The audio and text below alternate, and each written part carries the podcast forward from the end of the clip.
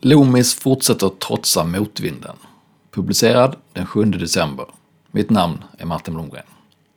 Kontanthanteraren Loomis navigerar skickligt i ett betalningshav fullt av faror. Mycket talar för att bolaget fortsätter på inslagen linje. Men vågar investerarna värdesätta detta? I en tid när både bolag och investerare letar efter exponering mot sektorer med strukturell tillväxt har Loomis briljerat. Trots att man verkar inom en nisch som ofta blir utdömd.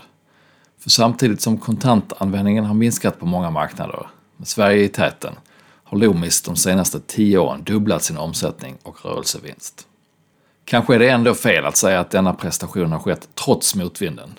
För det finns även fördelar med att vara aktiv på en arena där få andra vill eller vågar vara. Som att konkurrensen från nya aktörer är svag exempelvis. Och att kunderna, i Loomis fall främst banker och detaljhandelsföretag, blir mindre benägna att själva ta hand om fysiska pengar och därför blir mer lockade att lägga ut hanteringen på en extern aktör. En annan fördel är insikten att när vinstökningar inte kommer flygande via ständig marknadstillväxt, då måste man ha en utpräglat kostnadsorienterad organisation med stort lönsamhetsfokus. Det ska också understrykas att Sverige inte är representativt för hela världen. Mängden kontanter ökar faktiskt fortfarande, både mätt i dollar och euro. Loomis har tveklöst spelat sina kort väl på den här speciella marknaden.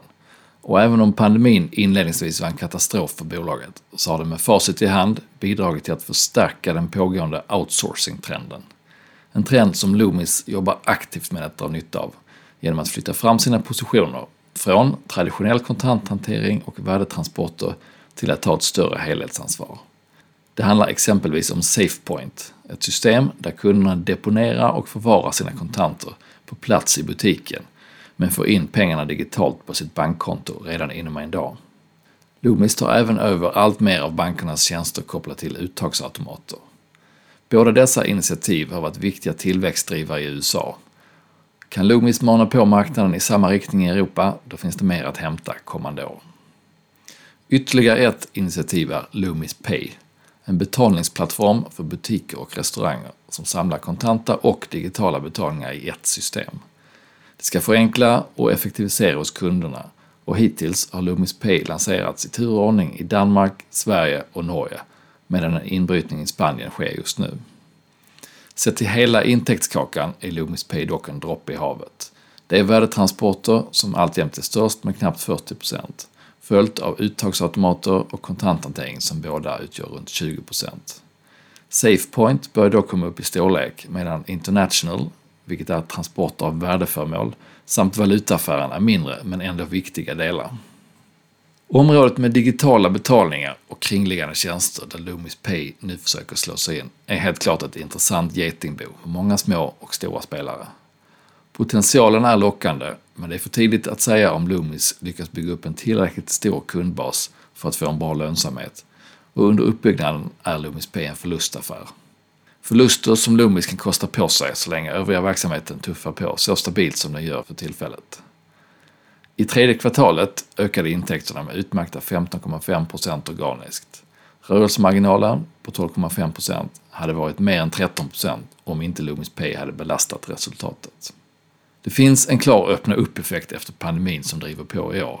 Men alldeles oavsett det är utvecklingen solid i förhållande till situationen före nedstängningarna. Och lyfter man blicken några år framåt så är målsättningen för perioden 2022 till 2024 att växa med 5-8% per år valutajusterat. Målet är också att ha en rörelsemarginal i intervallet 12-14% i slutet av den här perioden. Med de volymökningar som har kommit i år parat med prishöjningar och en mer slimmad organisation är Loomis redan på god väg att nå målen. Analytikerna som följer bolaget ser framför sig en marginal i år på nästan 11% och sedan successiva förbättringar framåt. De ser även en bra tillväxttakt in i nästa år. Värderingsmässigt handlas Loomis nu på ett p-tal runt 10 för nästa års vinst. Det är lite i underkant av vad aktien historiskt har värderats till.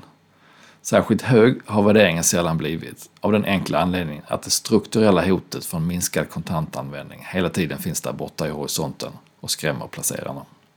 Utdelningen motsvarar en direktavkastning på 3,4% Det är inte dåligt, men inte heller fantastiskt i det här ränteläget. Då ska man dock lägga till att Loomis återköper aktier har gjort det för ett nästan lika stort belopp som utdelningen under den senaste 12 månadersperioden. Något som kommer att förbättra nyckeltalen framöver. När det gäller bra bolag som har en bevisad historik att klara tuffa tider med bibehållen hög lönsamhet brukar man ofta landa i att aktien gör sig väl i byrålådan. Med Loomis är det lite svårare att utgå från att marknaden kommer att vara fruktsam på riktigt lång sikt eftersom digitaliseringen rimligen tar över kontanternas roll allt mer. På kort och medellång sikt ser vi däremot goda chanser för att bolaget ska fortsätta överbevisa skeptikerna. Kan aktien klättra i takt med vinsten och får en viss skjuts av att värderingen kommer upp så kan Loomis, precis som under 2022, slå index på fingrarna även nästa år.